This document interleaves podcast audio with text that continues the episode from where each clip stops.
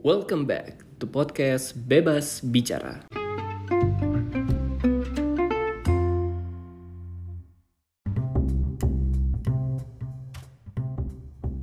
Apa kabarnya semua? Semoga baik-baik aja ya. Amin. Di episode kali ini, gue mau ngebahas tentang investasi lukisan. By the way, udah pada tahu belum sih kalau lukisan itu bisa jadi in instrumen investasi yang menghasilkan return yang sangat besar, melebihi harga yang kita beli. Beneran loh, kalau kalian belum tahu, nah cocok nih, kalian harus simak episode ini. Karena gini, andai kata aja ada mesin waktu ya guys. Yang pertama akan gue lakukan adalah gue akan balik ke masa lalu dan gue akan beli lukisan-lukisan terutama lukisan para maestro ya yang kita tahu zaman dulu itu ada seniman seniman-seniman terkenal dari Indonesia seperti Avandi, uh, Basuki Abdullah, Raden Saleh dan masih banyak lagi. Nah, gue akan beli tuh lukisan-lukisan para maestro tersebut saat awal karir mereka. Yang ke depannya gue yakin akan terjual jauh lebih mahal. Gak percaya? Contohnya, satu aja gue sebut nih ya, yaitu lukisan dari salah satu maestro Indonesia yaitu Avandi. Pasti udah banyak yang tahu kan, legend, legend dari seniman legend dari Indonesia yang bernama Avandi. Beliau melukis salah satu lukisannya berjudul Ayam Jago.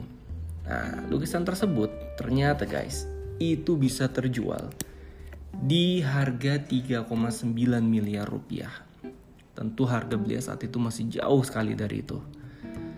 Nah, waktu itu lukisan ini terjual ketika ada acara pelelangan lukisan di Hong Kong. Itu baru satu itu baru satu lukisan loh. Belum lagi lukisan-lukisan yang lain yang mungkin akan terhitung, yang mungkin tidak akan terhitung berapa rupiah yang bisa didapatkan. Jadi memang lukisan itu uh, sebuah komoditi yang gak hanya bisa dinikmati sebagai pajangan di rumah aja. Lukisan itu juga bisa menjadi sebuah aset yang nilainya bisa berkembang kalau kita pertahankan dengan kurun waktu tertentu. Nilai lukisan itu sama halnya dengan produk investasi lainnya ya guys, di mana nilainya bisa naik tapi bisa juga turun. Nah apa aja sih yang yang mempengaruhinya gitu ya? Banyak hal sih, salah satunya adalah seperti kapan kalian beli lukisan tersebut dan kapan kalian menjualnya itu penting sekali waktu waktu ya kalau properti kan uh, lokasi gitu ya. Kalau lukisan ini lebih ke waktu. Jadi kapan kalian belinya dan ngapain jualnya itu penting banget gitu. Namun ya, meskipun lukisan ini produk investasi, sifatnya itu tidak mempunyai tingkat likuiditas yang tinggi. Nah, ini kalian harus paham ya. Walaupun investasi bisa menghasilkan return yang sangat besar, tapi tingkat likuiditasnya itu nggak tinggi. Layaknya misalnya emas atau saham gitu ya. Karena lukisan itu kan bergantung banget sama siapa yang lukisnya atau nama besar dibalik terciptanya lukisan itu sendiri gitu. Jadi nggak gampang. Dan ya nggak bukan komoditi sehari-hari ya yang bisa kalian beli seperti halnya komoditi pangan gitu atau komoditi uh, lainnya gitu. Pakaian dan lain-lain gitu. Lukisan ini kan bisa dibilang uh, marketnya juga market share juga nggak banyak gitu uh, yang jelas yang beli biasanya mostly adalah kolektor gitu. Apalagi kalau yang lukisannya mahal otomatis juga kolektor yang kelas menengah ke atas atau bahkan bisa dibilang kelas atas gitu. Jadi nggak nggak segampang jualan kayak kita jual komoditi lainnya gitu. Nah biasanya karya pelukis ini kita bisa dapat uh, kalau kita punya nih gitu. Kalau kita mau cairin liquid liquid ini uh, lukisan biasanya kita bisa jual di sebuah galeri kita titip gitu ya. Atau bisa kita titip juga di rumah lelang. Gitu. Kemudian nanti mereka simpan biasanya mereka akan jual lagi gitu. Mereka beli dari kita atau biasanya kita titip lelang di mereka gitu. Nanti kita dapat fee dari penjualan jualan itu gitu. Uh, tapi ya tetap aja tingkat likuiditasnya tuh nggak lebih tinggi dari emas ataupun saham. Nah buat kalian yang mau investasi lukisan untuk pertama kali, gue ada kasih, gue mau kasih tips nih, supaya kalian nggak terlalu menyesal dalam membeli lukisan ya gitu. Kalau tujuan kalian investasi, saran gue paling penting adalah belilah lukisan yang benar-benar kalian suka atau minimal yang kalian tahu pelukisnya itu bakal jadi tersohor. Nah, atau yang kedua, kalian beli yang memang kalian suka jenisnya misalnya kalian suka lukisan kontemporer yang gayanya modern gitu. Atau kalian suka lukisan abstrak atau mungkin kalian suka yang bergaya pop art uh, dan lain-lain ya macam-macam gitu. Belilah lukisan yang benar kalian suka. Karena kenapa? Karena seandainya pun lukisan kalian belum terjual lagi dan belum bisa memberikan kalian return of investment kalian nggak kecewa-kecewa banget gitu. Karena lukisan itu kan bagaimanapun fungsi utamanya adalah penghias rumah atau penghias ruang ruang keluarga, ruang kerja atau mana pun gitu kan. Dan lukisan itu bisa menambah nilai estetika atau nilai keindahan suatu ruangan gitu. Jadi dengan kalian beli lukisan yang bagus, kalian sudah terpuaskan akan satu hal gitu bahwa ruangan kalian sudah menjadi lebih bagus lagi gitu dengan lukisan yang kalian pajang yang kalian suka gitu. Nah, coba kalau kalian beli yang kalian nggak ngerti yang kalian nggak suka karena kalian tahu aja ah ini kayaknya oke nih bagus gitu. Pada saat dipajang nggak bagus ya suntuk-suntuk juga sih apalagi belum kejual-kejual gitu.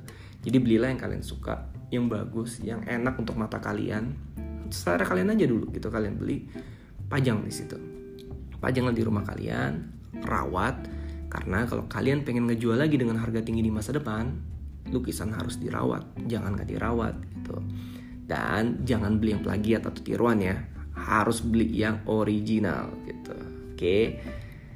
Nah nanti pada saat lukisan kalian bisa atau mulai diminati oleh oleh kolektor atau ditawar oleh mungkin uh, galeri atau ya kolektor atau pembeli lainnya ya udah saatnya kalian bisa menjual itu gitu. Tapi kalau saat belum kejual pun kalian bisa pajang itu gitu loh.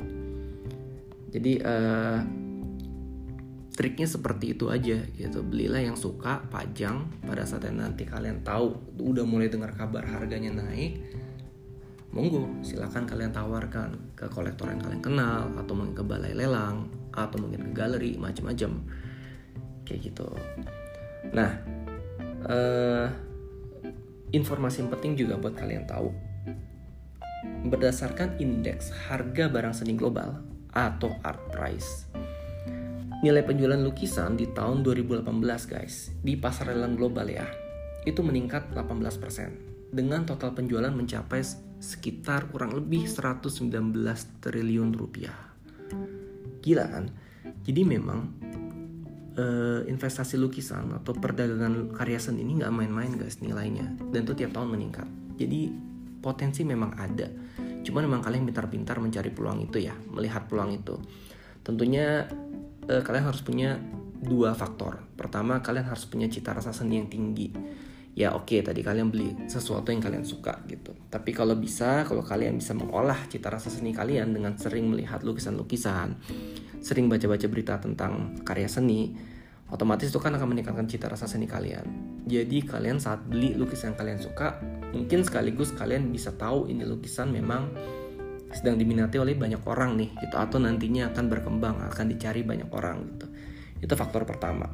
Faktor kedua adalah ya tentu karena lukisan ini harganya nggak murah bukan komoditi uh, bukan komoditi yang bisa dibilang harganya murah ya gitu. Like kita beli makan atau uh, baju-baju standar gitu. Uh, otomatis uh, komoditi lukisan ini memang harganya memang jauh lebih tinggi. Nah untuk itu otomatis kalian harus punya finansial yang tinggi juga untuk membeli harga karya seni ini. Jadi dua faktor itu kalian harus punya untuk uh, uh, mulai berinvestasi di karya seni ini dan uh, berdagang nanti ke depannya.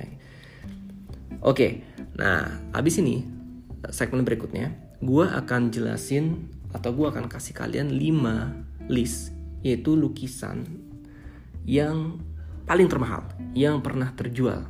Jadi ada lima ada lima list yang akan gue bacain itu internasional semua.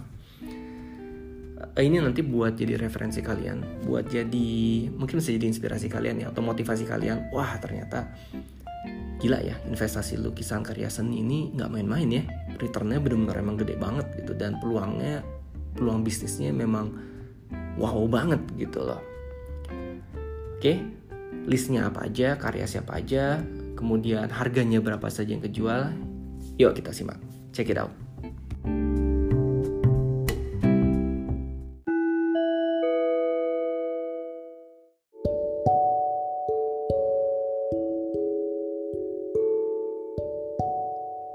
Nomor 5 ada Women of Algiers.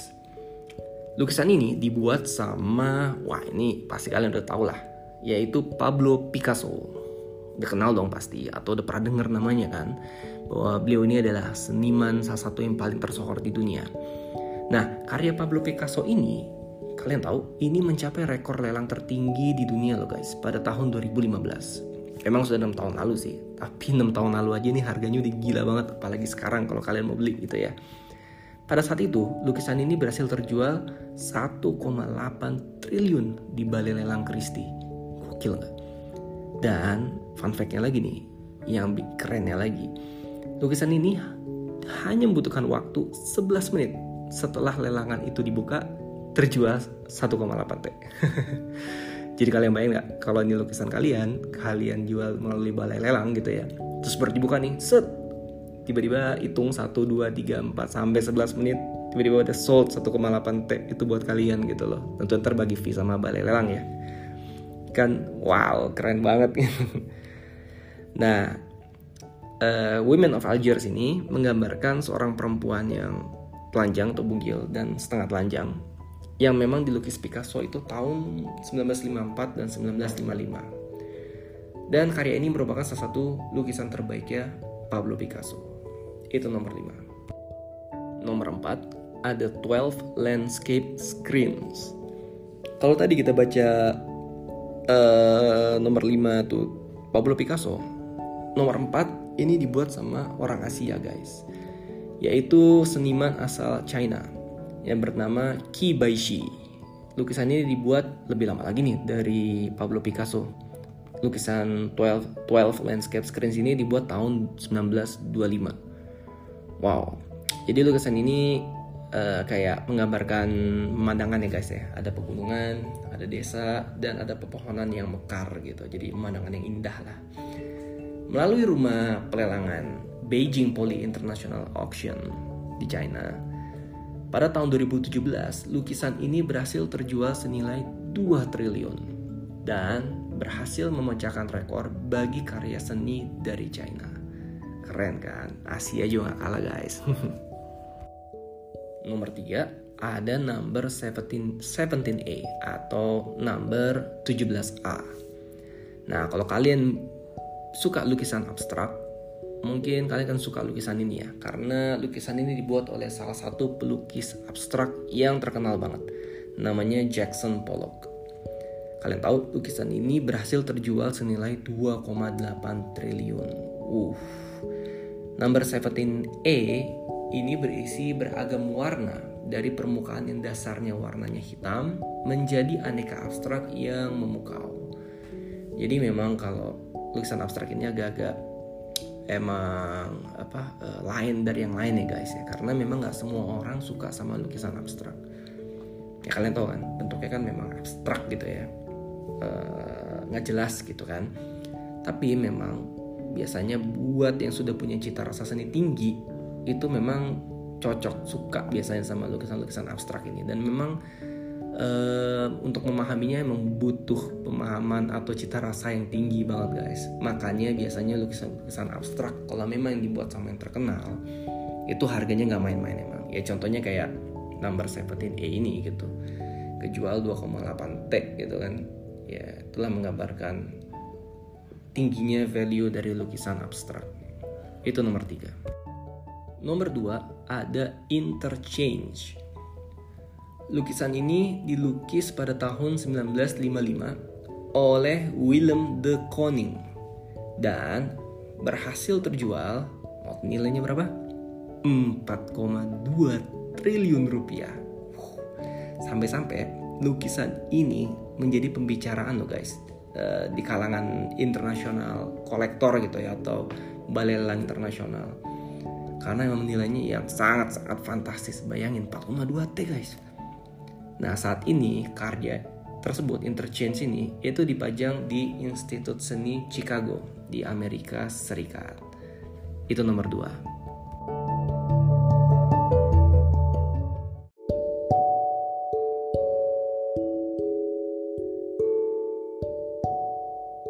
sebelum gue masuk ke peringkat satu lukisan termahal di dunia saat ini, gue mau bahas list honorable mention.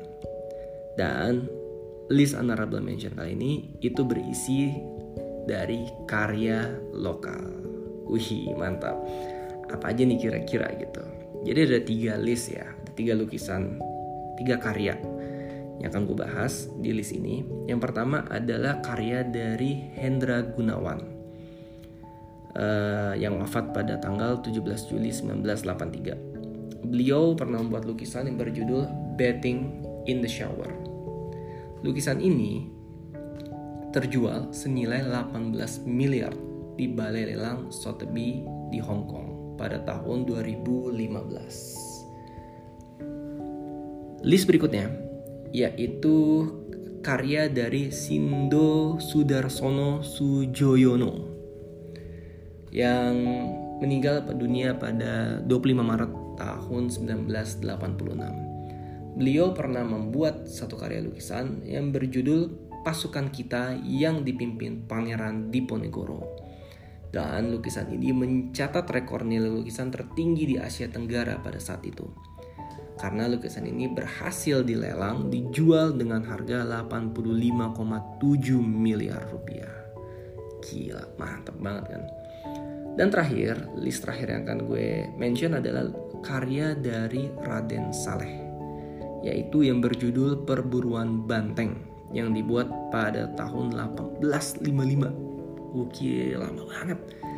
Tahun 1855 guys. Dan lukisan ini berhasil dilelang dengan harga yang fantastis banget yaitu sebesar 120 miliar pada tahun 2018. Nah ini maksud gue nih. Ini yang gue sebut ini adalah para pelukis-pelukis yang ter, uh, disebut maestro. Jadi seperti tadi di awal episode gue cerita kalau gue punya mesin waktu nih atau Doraemon real gitu mau minjemin gue mesin waktu yang akan gue lakukan pertama adalah gue balik ke masa lalu dan gue akan beli nih karya-karya ini. Karena pasti pada saat itu harganya ya tentu nggak segini guys. Atau belilah di saat harganya bener-bener ya mungkin hitungannya masih jutaan kali ya harganya gitu. Sebelum dilelang ini yang harga semuanya mencapai mm-an gitu. Yang harganya bisa men yang satu lukisan ini bisa beli rumah mewah di Jakarta guys lu bayangin satu lukisan dijual lu bisa beli satu rumah mewah di daerah yang prestis pula kayak gitu. Oke banget kan investasinya. Oke tulis honorable mention sekarang kita masuk peringkat satu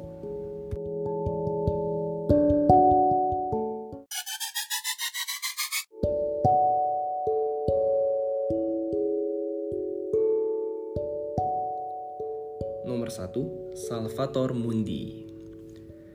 Salvator Mundi ini guys, kalau di bahasa Indonesiain itu artinya penyelamat dunia. Wow, dari judulnya aja kesannya udah uh, keramat bener nih lukisannya.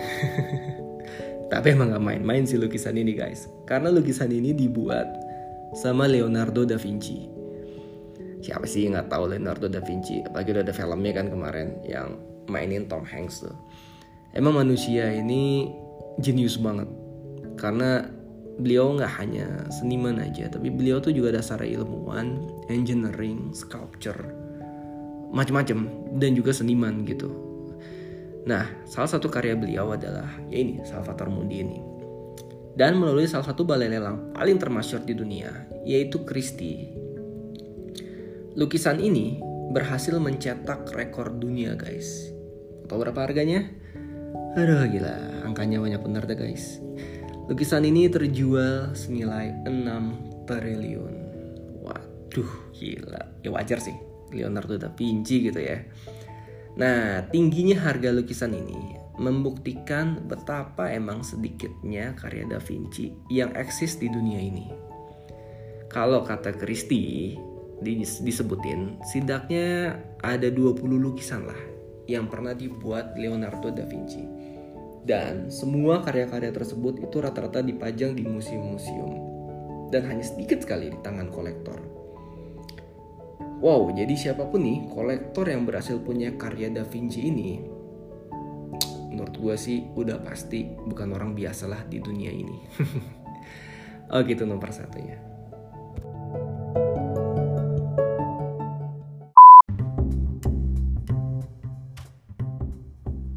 Oke, sebelum gue tutup, gue ingin berbagi tiga tips investasi lukisan yang gue dapat dari dua orang yang gue anggap sangat-sangat mumpuni dan sangat berpengalaman di dunia ini. Yang pertama, hmm, gue nggak akan sebut nama ya, tapi ini kejadian nyata. Gue langsung kasih contoh kasus aja gitu. Jadi, misalnya intinya yang pertama ini adalah networking. Kalian harus kenal sama orang-orang yang memang berkecimpung di dunia ini, di dunia investasi lukisan ini. Apakah itu kalian berteman dengan pemilik galeri, atau pemilik rumah lelang atau mungkin kalian berteman dengan para kolektor, para pengamat seni atau para kurator, macam-macam gitu. Intinya kalian harus punya teman-teman di dunia itu gitu ya. Sehingga kasus pertama ini, contoh kasus pertama ini, yang benar-benar terjadi adalah ada orang kenal dengan katakanlah dia antara pemilik galeri atau pemilik balai lelang gitu ya, atau penjual gitu yang jelas. Si penjualnya menyarankan ke temennya untuk membeli lukisan A saat itu lukisan A itu seharga 15 juta. Kurang lebih, pokoknya intinya belasan juta gue inget. Nah, dia menganjurkan nanti dua minggu lagi akan ada balai lelang. Lo jual lagi di situ lukisan lo gitu. Dia nyaranin seperti itu. Benar aja, atau dua minggu lagi memang ada buka satu balai lelang kayak gitu. Kemudian lukisan yang dia beli 15 juta ini, dia jual. Lagi di, di, di acara lelang itu. And you know what guys? Yang terjadi adalah lukisan yang dia beli dengan harga 15 juta itu benar aja. Ternyata terjual sebesar 250 juta. Dalam waktu dua minggu. Gokil nggak? Lu kebayang nggak ROI nya bagaimana? Jadi lo beli cuma 15 juta dalam waktu dua minggu tiba jadi 250 juta tapi itu nyata. Itu benar ada dan itu terjadi. Dan syaratnya adalah networking. Itu tips yang pertama gitu. Kalian harus punya networking sehingga tuh memperluas uh, knowledge kalian gitu, pengetahuan, um, referensi kalian gitu dalam membeli dan juga menjual lukisan gitu, terutama untuk investasi ya. Itu yang pertama. Yang kedua adalah, nah ingat kan, sebelumnya gue sudah mention bahwa untuk investasi lukisan kita harus punya dua faktor.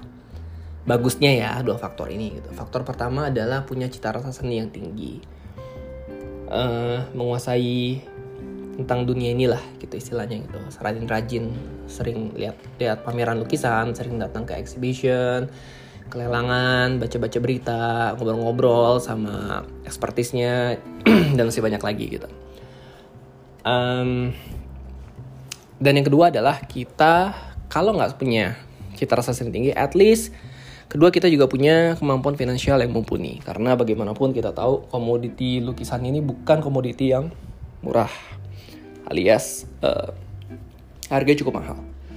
Jadi dua faktor itu yang menentukan kita untuk bisa berinvestasi lukisan secara baik dan juga benar. Nah untuk tips yang kedua ini berhubungan dengan salah satu faktor tersebut. Jadi ada ceritanya seorang pengusaha, kalau nggak salah di bidang pertambangan gitu ya. Dia nggak punya faktor yang pertama, yaitu punya cita rasa seni yang tinggi dia nggak punya. Tapi dia punya faktor yang kedua, yaitu financial yang mumpuni. Nah akhirnya yang dilakukan adalah dia kerjasama dengan ya katakanlah apakah itu pemilik galeri atau pemilik rumah lelang gitu. Dia taruh dananya di situ. Dananya banyak lah. Dia modalkan lah di situ gitu. Dia serahkan di situ. Dia kerjasama dengan uh, ya orang-orang di situ untuk diputarkan lah dananya di barang-barang uh, karya seni itu gitu. Sehingga nanti dia akan mendapatkan margin gitu. Dia mungkin punya target margin sekian. Ya udah, diputerin gitu. dan itu bisa itu terjadi gitu jadi kalian bisa gitu kalau kalian memang gak punya cita rasa seni yang tinggi tapi kalian punya kemampuan finansial yang cukup bagus kalian bisa lakukan strategi itu nanti tinggal deal-dealan aja kan bagi-bagi ya gimana gitu sama orang yang eh, orang yang menolong kalian untuk berinvestasi itu gitu nah tips yang terakhir yang ketiga itu kebalikannya jadi kalau tadi case yang kedua adalah dia punya financial yang kuat tapi nggak punya cita rasa seni yang tinggi. Yang ketiga ini kebalikan, justru dia nggak punya financial yang kuat tapi dia punya cita rasa seni yang tinggi. Dan ini terjadi di salah satu orang yang gue kenal. Dulu sih dia memang belum punya financial mumpuni ya, tapi dia memang sudah orang yang gemar sama seni gitu. Udah orang yang suka banget lah sama seni gitu. Kalau sekarang sih dia sudah kolektor kakap, udah tajir, udah udah dua, dua faktor tadi eh, cita rasa seni dan finansialnya sudah punya dia kalau sekarang gitu. Nah tapi dulu ceritanya adalah uh, jadi dia mau punya teman-teman pelukis ya gitu. Jadi yang dilakukan adalah karena dia punya teman pelukis gitu dia uh, mungkin saat itu pelukisnya juga baru merintis karir gitu ya. Jadi emang belum laku, belum kejual pun gitu baru-baru buat. Tapi dia tahu nih lukisannya bagus gitu. Ya mungkin karena sama teman ya ditolong lah temennya ini gitu, diberikan modal lah gitu. Istilahnya mungkin si pelukis ini uh, didanai lah sama si orang ini gitu apakah itu untuk modalnya atau untuk uh, sehari-harinya gitu ya sembari dia uh, merintis karir gitu kan nah akhirnya si orang ini karena dia ngebantuin temennya ini akhirnya dia dapat berapa lukisan temennya ini gitu. Ambillah dua atau tiga gitu. Dan tuh bener aja ternyata si karir karir si pelukis ini meningkat gitu. Jadi terkenal lah gitu. Sehingga lukisan yang diambil dua tiga ini gitu ya secara gratis saat itu karena dia udah ngebantuin temennya itu ditawar sama orang dengan harga gila-gilaan. Jadi benar-benar akhirnya orang itu dicari karena dia punya lukisan itu satu di antara tiga lukisan itu itu dicari sama kolektor dan ketemu dia langsung ditawar harganya juga gila-gilaan nggak masuk akal gitu ya itu juga bisa jadi salah satu tips sih untuk uh, nggak mau keluar modal banyak tapi bisa dapat return yang banyak gitu. Jadi ada tiga tips itu terserah kalian. Tergantung profil kalian tuh paling cocok yang mana.